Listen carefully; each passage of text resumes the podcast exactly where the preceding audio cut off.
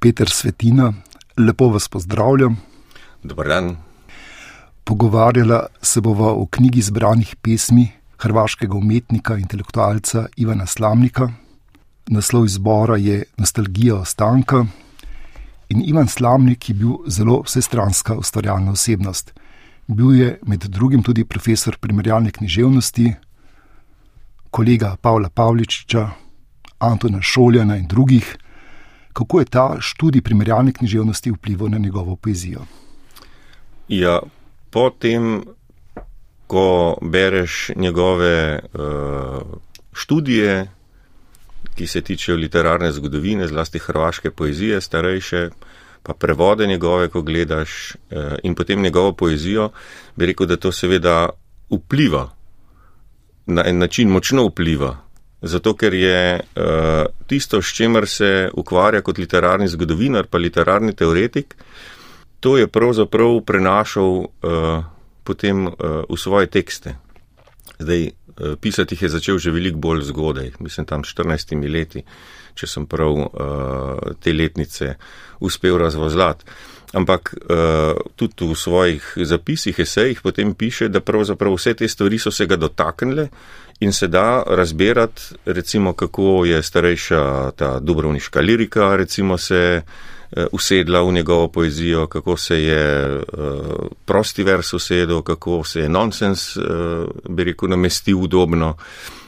Uh, vse te stvari pravzaprav se da ali pa bi rekel, motivi iz eh, časa moderne Hrvaške, pejsaž recimo. Ampak to niso stvari, ki bi jih ena ena prenašal. Te stvari je tako intimno, pa, uh, kaj bi rekel, času ustrezno aktualiziral. Ne, in tu mislim, da je, ja, tu bi rekel, da se vidi, da je enovit, ne, se pravi, da ni ločval uh, tistega, kar je naštudiral, s čimer se je raziskovalno ukvarjal in tega, kar je potem kot literarni ustvarjalec počel če ostaneva še nekoliko pri njegovi biografiji, bil je tudi pisatelj. In tudi za njegovo poezijo je značilno, da vsebuje kar nekaj pripovednih pesmi. Kako je vplivalo na to pisateljsko stvaranje, na kot pesnika? Ne vem, če je on pravzaprav se odločil zdaj, ali uh, bi bil bolj pesnik, ali bi bil pisatelj, ali bi bil dramski ustvarjalec, ker je tudi radijske igre delal. Imam občutek, da je njega v izhodišču zanimal jezik in potem se je pač s tem jezikom ukvarjal na tak ali drugačen način. Zdaj, to bi težko rekel, kaj je na kaj vplivalo. Ne? Imam pa tako občutek, koliko poznam njegovo delo sicer, da je to zelo usporedno šlo. In je pač pisal Alprozo, v glavnem je pisal poezijo, ker se je tam še najbolj z jezikom lahko poigral. Čeprav prozi isto, se jemlje pa uh, neke govore, uh, ne, rekel take mestne, dialektalne in se tudi tam pravzaprav zelo zabava uh, s tem, kar mu je najbližji, to pa je jezik. Skratka, to se je razvijalo nekako organsko, hkrati simbiotično. Slamnik je bil tudi prevajalec. Tudi je bil prevajalec in z Antonom Šoljanom sta prevajala uh, zlasti iz angleščine, no, uh, ameriško poezijo. Imam tako občutek, da je kot Miha Avanco v našem prostoru, da sta ona dva bila tista, ki sta uh, prinesla zdaj te uh, Eh, takratne, no, sočasne eh, odmeve iz ameriške poezije potem v hrvaški prostor. Je pa prevajal tudi eh, iz ruščine, ne, eh, slamnik govori o tem, kako pravzaprav v svoji poeziji, do katere je imel en tak eh, odnos eh, ali pa do, do, do pisanja pravzaprav eh, že distanciran, ker temu reče, da so to proizvodi, pesniški proizvodi, to ni poimenovanje, da so to same visoke pesmi, to, kar je napisal.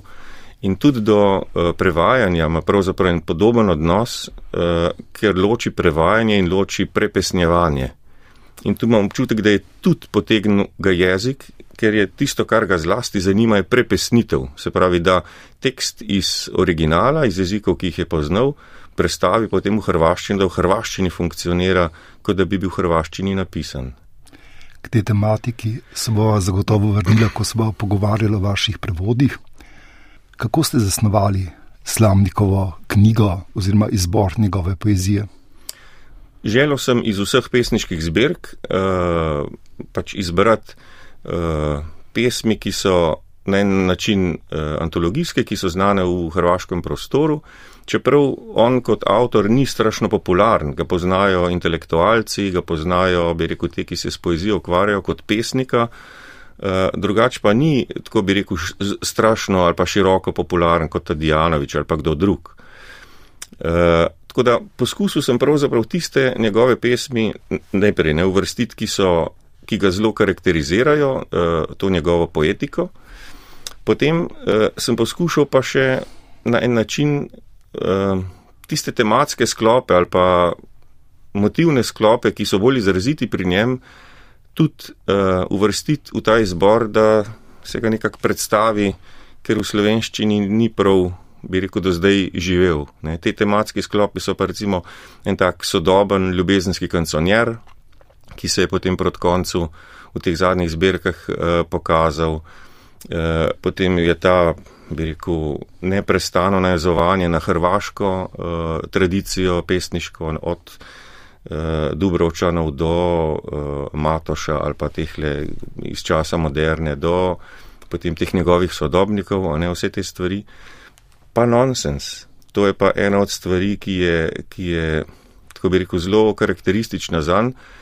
Potem je pa še nekaj pesmi, ki so povezane s, z Ljubljano ali pa z, s tem slovenskim kulturnim prostorom, čeprav on ni iz Zagreba, ne, se pravi, on je z tega bolj, bi rekel, za, za dalmatinskega konca, ne, ampak je v Zagrebu potem živel in ima očitno zelo velik stikov, tako da so tudi navezave na preširna in na naš prostor, tako zelo zabavne so neke stvari jezikovno in, in tematsko skoraj da neke vrste poklon slovenstva, ne? Ja, širno, kaj bi rekel? Pesnikom. Ja, ja. ja na en način, ampak tako duhovito, z malo ironične distance. Tako, ja.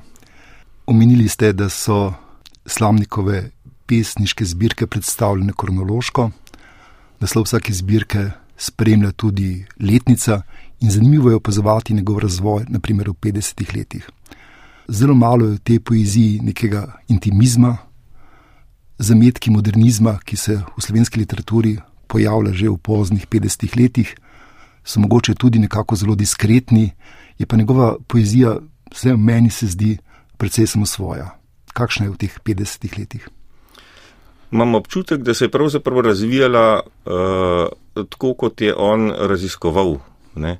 Da ta uh, navdušenje pravzaprav ali pa to, ja, ta fascinacija nad jezikom je tisto izhodišče, ki se ni spreminjalo. To je enostavno se pojavilo na začetku, tam v 50-ih letih se vidi pri vseh ali pa pri večini besedil ne, in je to je ostalo do konca.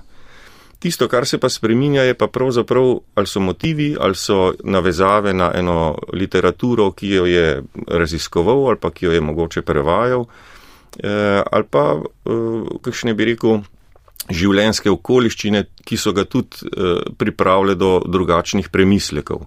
Tako da imam občutek, da je na eni strani zelo konstanten v tem, eh, kaj bi rekel, raziskovanju, na eni strani jezika, na drugi strani samega sebe, eh, po drugi strani je pa tisto, kar se spreminja, pa vse, kar je pravzaprav sprot ne, v, na njegov vlak ali pa na njegov vagon stoplo in to potem aktualizira še nek občutek bi rad preveril. Občutek imam, da so njegove pesmi, kot grano salis, dialoške. Da jih, čeprav jih govori lirski subjekt, neke vrste alter ego pesnika, da se vseeno zelo pogosto razvije neke vrste notranji dialog. Da, naprimer, pesnik zastavi nek horizont, pa ga potem sprevrne. Naprimer. Ja, mislim, da je to zelo dober občutek, zato ker je tisto, kar je res neprestano dela, opazovanje samega sebe in dialog samim sabo. Vse čas se sam sabo pogovarja. In potem se seveda pogovarja tudi uh, z jezikom, ki ga je podedoval od uh, pesnikov, uh, ki so pač pred njim pisali, in seveda se pogovarja potem tudi velikrat z naslovnikom. To je pa recimo kakšen uh, ženski lirski subjekt ali pa je lahko tudi kakšen moški. Tako da tega dialoškega je res ogromno. In ko se bere, kakšne stvari so tudi v drugi osebi ednine zastavljene, pa tudi tiste, ki so v tretji ali pa prvi, je, je ta občutek je zelo uh, na mestu. Bi nam prosim prebrali kakšno pesem iz zgodnega obdobja? Iz zgodnega obdobja sem uh, izbral pesem Evangelisti. To je ena taka, pravzaprav bolj znanih uh, njegovih pesmi. Proletariat. En kočar, plagiator, en doktor star in pameten do roba, s prav malo las in redkimi zobmi, med njimi pa prismojen mali poba, ki je vse knjige zmazal en, dva, tri. Prepolni brast, ki jih zariše muka, slabih oči, z okorno roko staro pisali so Matej in Marko Luka. A pobu, temu je uspelo, seveda, zapis v začetku je bila beseda. In oni trije so se mu čudili, in mali se je čudil njim, pa so se vsi čudili. Ko oni Kristusu naslepo so sledili, mu on na prsi je naslonil glavo. Ko drugi Kristus so bili kot stena, ramena taka so bila in njih imena, je pobil nežen, deško imel postavo in štekal Jezusa je, kot to zmore žena. Peter, svetina, hvala, ker ste nam prebrali pesem Evangelisti. Ta pesem je zelo nežna, tudi humorna. Kako jo vi vidite, berete, doživljate? Ja, na eni strani se mi zdi zelo karakteristično, da jemlje se prav neke stvari iz že nastalih besedil. Se pravi, tukaj je, se naslanja na to svetopisensko tradicijo, na evangeliste. Potem je pa tisto, kar je tukaj zelo, bi rekel, uh, slamnikovo, da na eni strani ima skupino evangelistov, ki so se strašno trudili, ki, ki to, bi rekel, uh, potijo krvavi pot, ko delajo svoje stvari. In potem je tu ta uh, en poba, ne, ki pravzaprav brez kakšnih posebnih muk in truda uh, izgovarja stvari, ki so zelo bistvene. In se mi zdi, da je ta pogled na tega poba, pravzaprav na to igro ali pa na to lahkotnost izgovarjanja, ta slamnikov uh, odnos ali pa slamnikov pogled na to, kako nastaja poezija. Hkrati pa ta pesem vsebuje pravzaprav neke vrste čudež, neko, neko spremenitev, zgodi se nekaj, kar se v tradiciji ne zgodi, to se pa zgodi v poeziji v hipu. Ja, to se zgodi v hipu, seveda. To so, tu, tu, mislim, verjetno je tu ena stvar navdiha, ne tematizirana pri, eh, pri tem pobu, ki je pravzaprav pravi, da je štekel Jezusa kot žena, da je en, dva, tri vse pač prebral, da ima tak globok, globok pogled in zaradi Uvit, tega uvid, ja. ja, ja da je zaradi tega pravzaprav uh, se stvari zgodijo in premaknejo. Ja. Omenili ste tudi, da pesnik piše neke vrste poklone, pripise k slovenstvu, uh -huh. naprimer k priširnu. Kako v pesmi, oziroma kako aludira na priširna? Na priširna aludira v eni pesmi, uh, iz katere vzame vers, se pravi iz pesmi Kam, ko brez miru okrog divjam. Ste prav, da je pa zanimivo, da je v naslovu je J, ne, eh, oziroma L je dodal divjam, ne divjam, ko brez miru okrog divjam in potem to enostavno opisuje. Ampak tisto, kar se mi pri njem, kar se slovencev tiče, veliko bolj zabavno zdi, je njegov, njegovo spoznanje, ko se vozi po cesti iz Ljubljana v Zagreb in ga potem en pasat prehiteva in potem spozna, kdo je v avtu. Ta se mi zdi eh, čudovita. Zdaj prehitevate, kot da so na tej avtocesti. Če ostaneva pri tej pesmi, ki ste omenili prej, ne, ko se naveže na priširna, tisto je tudi zanimivo, kako spremeni nivo. Ne. S priširnom ustvari nek horizont pričakovanja, potem ga pa pravzaprav spet potuji. Bi nam prebrali to pesem? Ja, samo jo moram najti. Ko brez miru okrog divjam, bi nekaj hotelo iz mene naprej. Nekaj je ostalo neformulirano, nekaj mi ni čisto ok. Kaj sem ti že hotel razložiti, kaj sem že čečkal? A ja, da ženska more ljubiti, pa da ji ne bo žal. Peter Svetina, hvala vam tudi za to branje. Zdaj ta pesem je zelo kratka, tudi s tem obratom, twistom na koncu. Ampak ta pesem vsebuje tudi rime in prej ste že nekako omenili, kako se je pesnik zavedal, tudi reflektiral prepesnitve. Kaj pa ta vaša prevajalska izkušnja, konkretno z verzom, z ritmom, z rimo? Ja, to je pravzaprav s tem, kako on sam premišljuje o prevajanju in o prepesnjevanju. To je bila pravzaprav ena od rešitev, zato ker sem si rekel, če je on te stvari počel, potem si jih lahko tudi jaz dovolim. In sem recimo pri eni pesmi, kjer govori, kako so bili na srečanju pri Novaku, seveda tam je bil Slobodan Novaka, ne?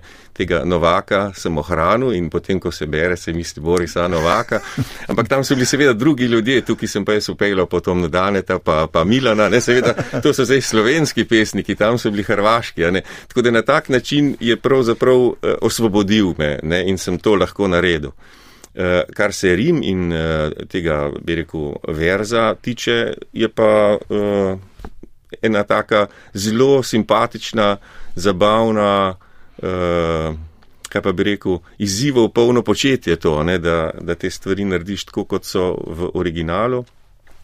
In s tem sem imel veliko veselja, zelo veliko veselja sem imel s tem. Ja. Se pa vidi prvo pri tej pesmi, ta je enostavna, to so štiri vrstičnice, to je tisti del ali pa tisto obdobje njegovo, kjer pravzaprav aludira na kancionar uh, uh, teh le dobrovniških uh, renesančnih pesnikov. S tem, da je veliko bolj enostavno kitico jemlje.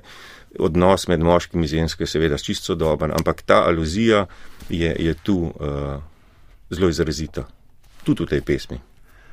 To, kar vi imenujete kancionar, da niso vsebe kar nekaj zelo lepih ljubezenskih pesmi. Bi nam prosim še kakšno prebrali? Ja, to pa z veseljem. Na gov kamen sem sedel. Na gov kamen sem sedel z veliko mislijo v glavi. A se zares umira, a sem zares tisti pravi.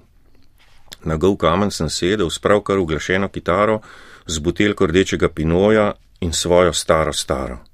Ona mi pravi, da obstaja smrt brez ostanka, reče mi tako, da se bom bahal tudi potem, ona se pa ne bo. Hvala, morda še kakšno. Ja, prebral bi to, ki je še, eh, bi rekel, tematizira slovensko eh, sceno in promet. Ta je res simpatična. Avtocesta Ljubljana Zagreb kranjec, v počasni pasat, ker megla se spušča in jaz sem brat Hrvat, ki ti ne bom pustil gušta. Prehitevaš, tam pa grbina, a veš kaj je tam okoli, neurejena bankina, a bi rad umrl, ajde, izvoli. Že bremzam, piči mimo, ne giban ulica. O bog, pa ti nisi kranjec, ti si kranica. Peter Svetina, hvala, ker ste prebrali tudi to pesem, ki ste jo prej nekoliko že napovedali. Tudi ta pesem seboj neke vrste humorni obrat. In ta humor je v slamniku lahko zelo, zelo živ. Zelo je živ. To je pravzaprav en, tu ne moramo govoriti o nonsensu, ampak tudi pri nonsensu, ki je za značilen je tega, teh obratov veliko, se mi zdi, da zna napisati pesem in da en od temeljih elementov pri njem zelo zaživi in to je presenečenje za bravca. Se pravi, ko pesem postavi, bralc, bravka ima neko pričakovanje. In seveda, potem, ko bereš, tisto kar ostane, kar te zaposluje, seveda nekaj neprečakovanega. In to slamnik zelo dobro ve. In tu, bi rekel, teh obratov je, je, je polno, polno. Potem pa še ponavad, ko bereš kakšno pesem, pa jo bereš večkrat, ti recimo čez teden, dva tedna kapne, da je nekaj povedal, česar do takrat nisi opazil. In to je seveda tiste vrste humor, ki je pa še, še slajši od tega, ki ga prepoznaš takoj.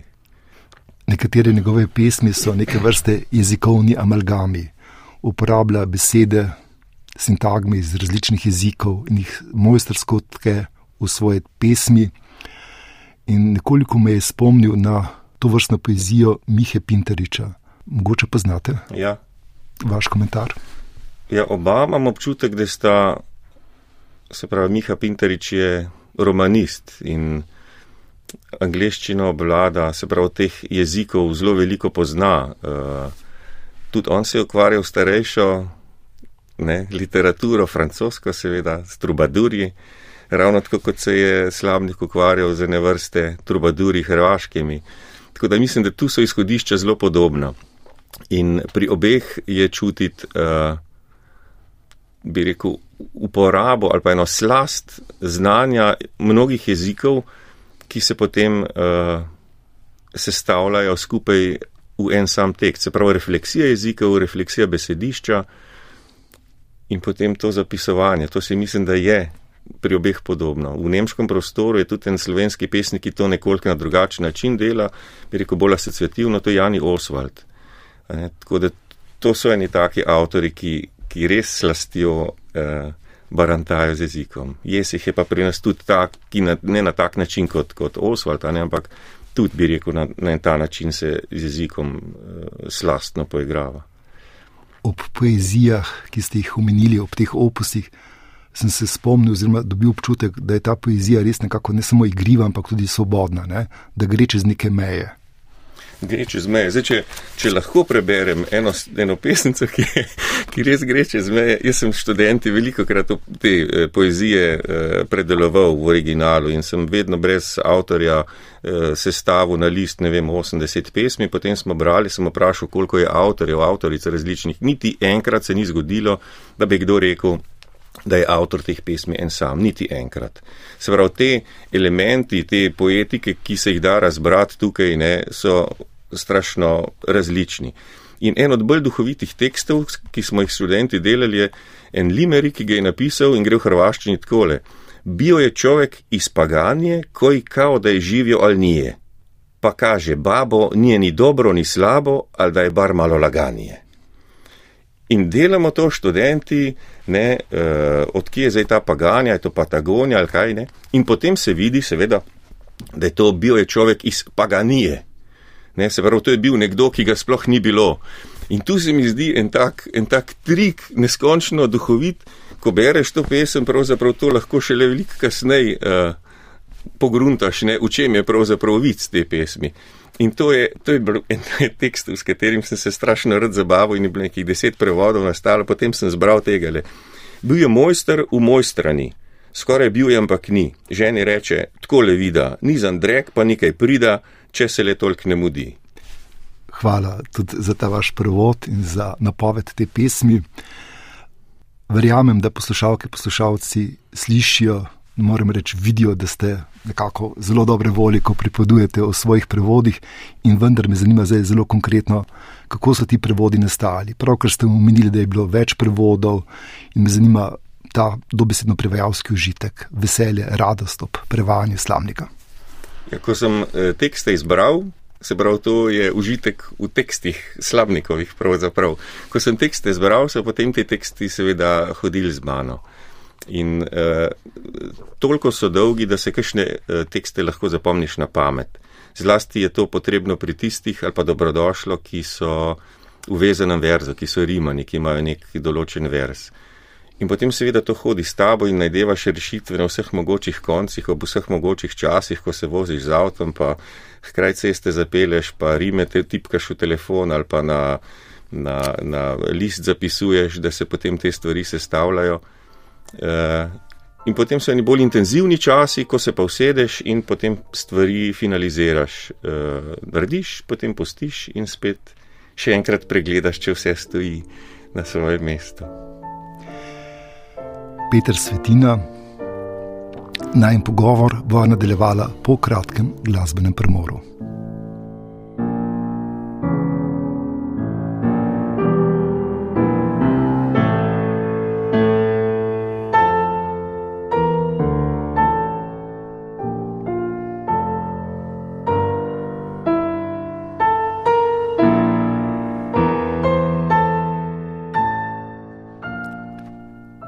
Peter Svetina.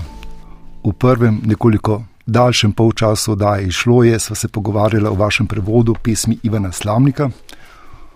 V drugem delu oddaje išlo je, pa sva pogovarjala o še eni vaši knjigi z naslovom 14.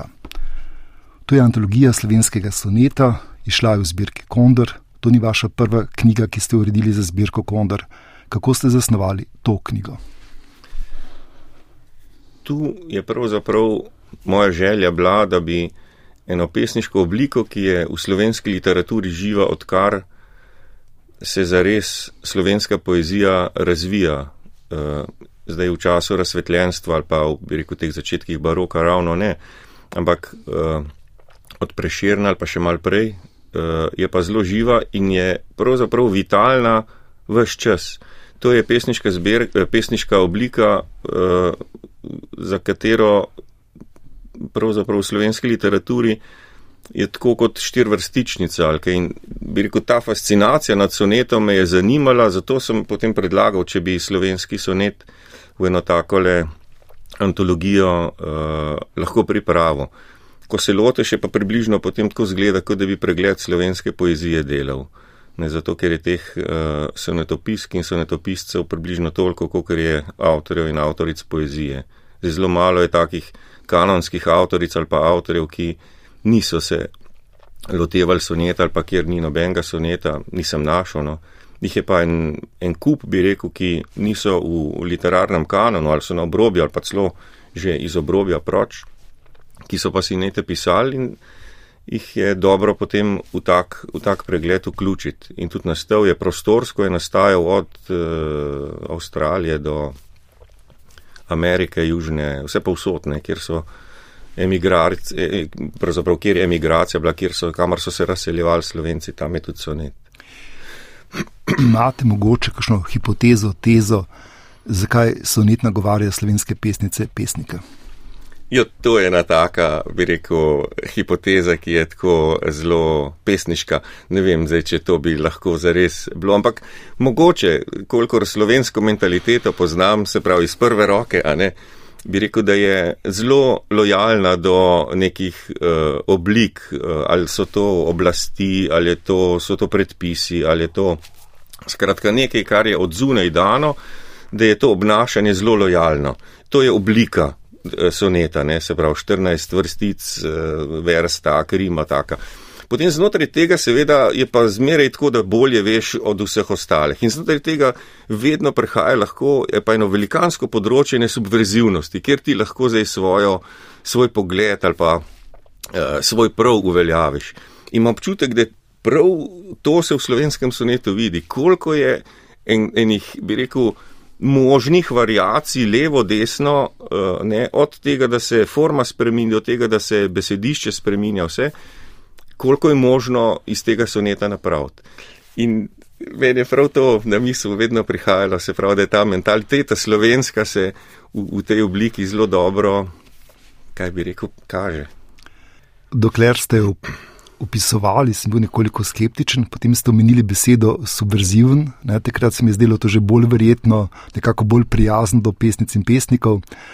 Ampak vi ste vseeno postavili neko mejo, ne, sonetu, 14 verzov je teh 14 verzov res ključnih za sonet, oziroma ali obstaja naprimer, pri Borisu Anovaku tudi neke vrste transgresija? Ja, pri sonetu sta bistveni dve stvari. Zdaj, ali je 14 verzov in ni v naslovu soneta.